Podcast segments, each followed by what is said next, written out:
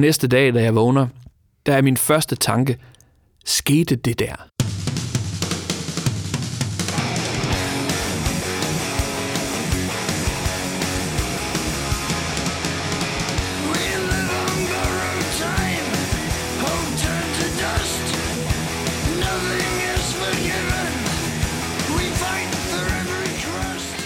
Jeg hedder Jakob Brønum. Jeg er 44 år. Jeg er sektionschef ved Biblioteket Frederiksberg.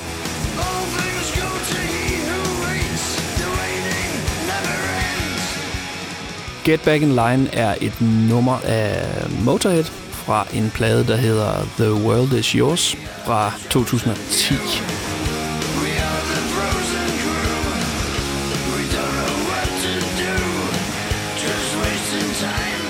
Et nummer, der viser, at Lemmy, bandets bassist og forsanger og sangskriver, inde bag ved alt det her spektakel, som man øh, forbinder Motorhead med, eller mange gør i hvert fald, også bare skriver rigtig gode sange med en hel del melodi, og det glemmer man tit, fordi man ikke synger særlig teknisk korrekt, kan man vist roligt sige.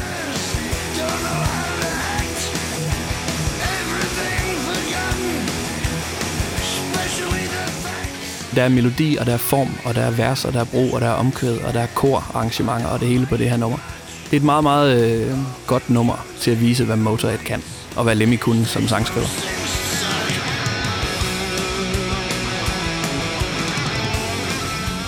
Ikke så lang tid efter udgivelsen af The World Is Yours kommer de så på turné, og lige før The World Is Yours havde vi lige hørt dem på Vega, og de skulle så komme til Vega igen. En søndag aften i november.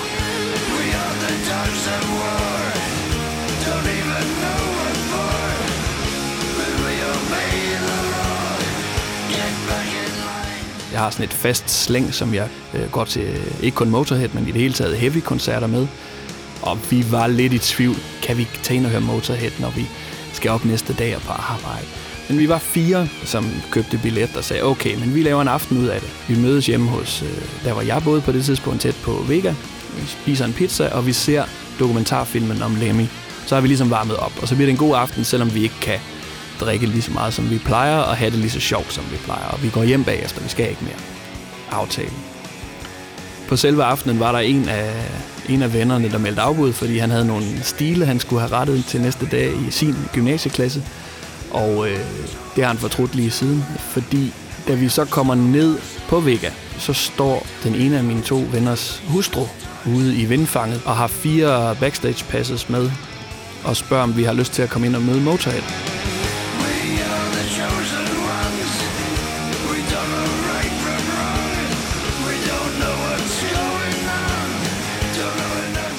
Det viser sig, at hustruen der fra gammel tid kender Phil, som spiller guitar i Motorhead på det tidspunkt.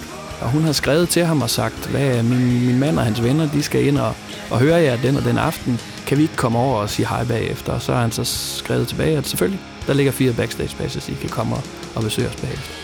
Og selvfølgelig siger vi ja, men vores første reaktion nok er i virkeligheden mere at gå i panik. Det er jo sådan noget med coke og speed i lange baner, og øh, letlevende damer og pusher, og jeg ved snart ikke hvad. Det, det kan vi ikke, vi skal op på arbejde.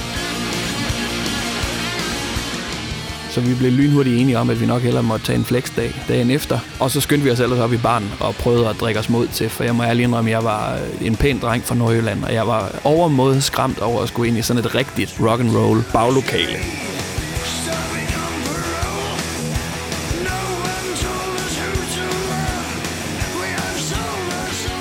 Så derfor vil jeg også sige, at det var den øh, uden konkurrence dårligste koncert, jeg nogensinde har hørt med Motorhead, for jeg kunne overhovedet ikke koncentrere mig om andet end, hvad jeg skulle bagefter.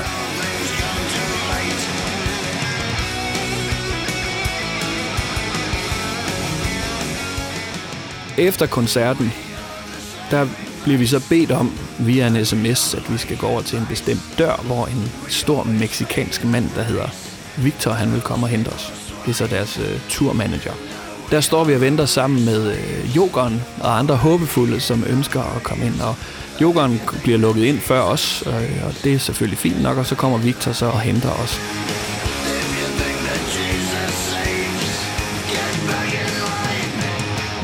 Da vi så går ind igennem nogle gange, kommer vi ind i et sådan stort køkkenareal, og der sidder yoghurt, men han har ikke fået lov at komme videre.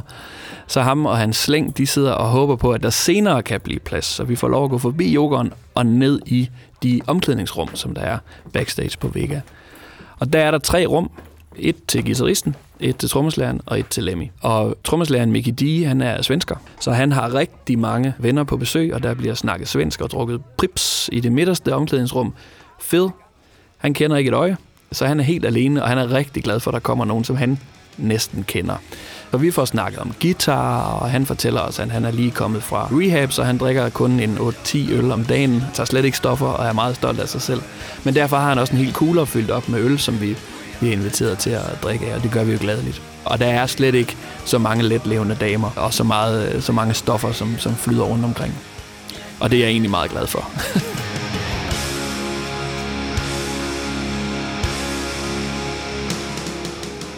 Nede i ved Lemmys omklædningsrum, der står den her store meksikanske mand Victor og fylder foran døren, og det er tydeligt indikeret.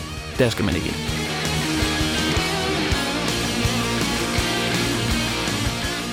Men lige pludselig, da der er gået en time, så siger Phil, Lemmy's ready for you now. Og så kommer panikken igen.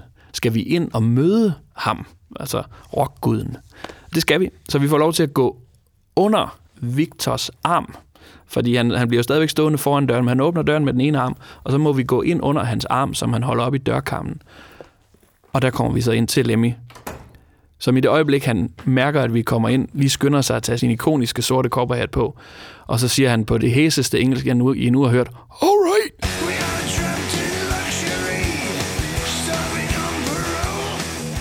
Som så indikerer, at det er okay, at vi kommer ind.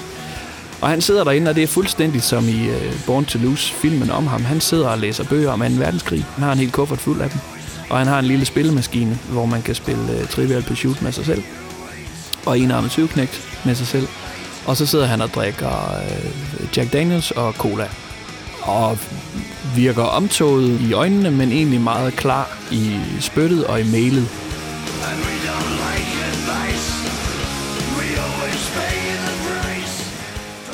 Vi kommer ind, og vi ved jo ikke, hvad vi skal sige til ham. Altså, vi har jo ikke forberedt os overhovedet på det her.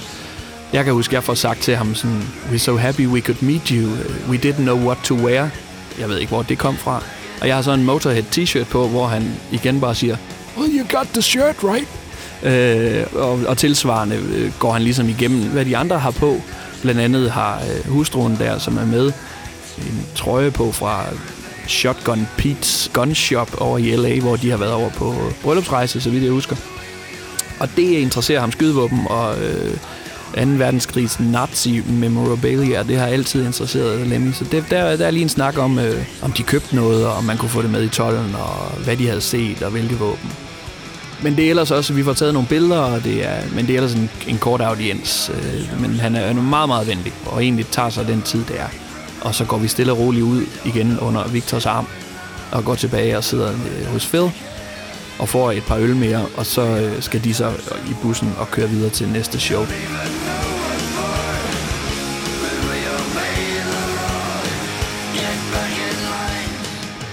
Og så bliver vi ligesom losset ud af bagindgangen på Vega, og er så starstruck, som jeg nogensinde har været.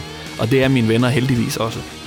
Så vi simpelthen bliver enige om, det, vi kan ikke gå hjem. Klokken er halv et. Det, vi bliver nødt til at finde et værtshus, der er åbent så sent på en søndag.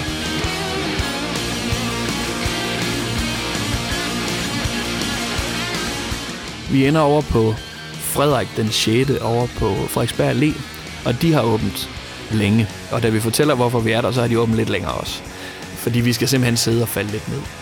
Så jeg kommer hjem halv fem, tror jeg, eller noget i den stil, søndag morgen. Øh, og næste dag, da jeg vågner, så det første, jeg gør, det er at ringe til de der to venner, der var med, og siger, det er rigtigt nok, ikke?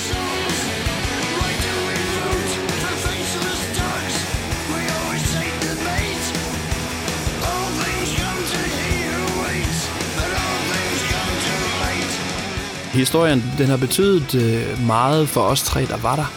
Og den har også betydet meget for den udvidede kreds af de her mennesker, som vi går til heavy-koncerter med. Fordi der kan jeg til være nogle af dem, der udbryder kan ikke lige fortælle den igen. Jeg har lige, været, lige kommet hjem fra Copenhagen Festivalen, der har jeg da fået den støvet af op til flere gange.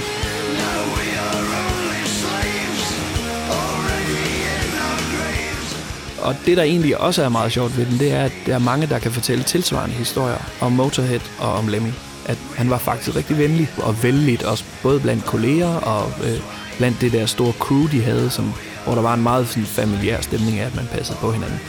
Han tog sine stoffer, og han drak sit whisky, og har sikkert også været øh, sine dage fuldstændig utilregnelig. Men han virkede faktisk som en gentleman. Denne podcast blev produceret af Biblioteket Frederiksberg.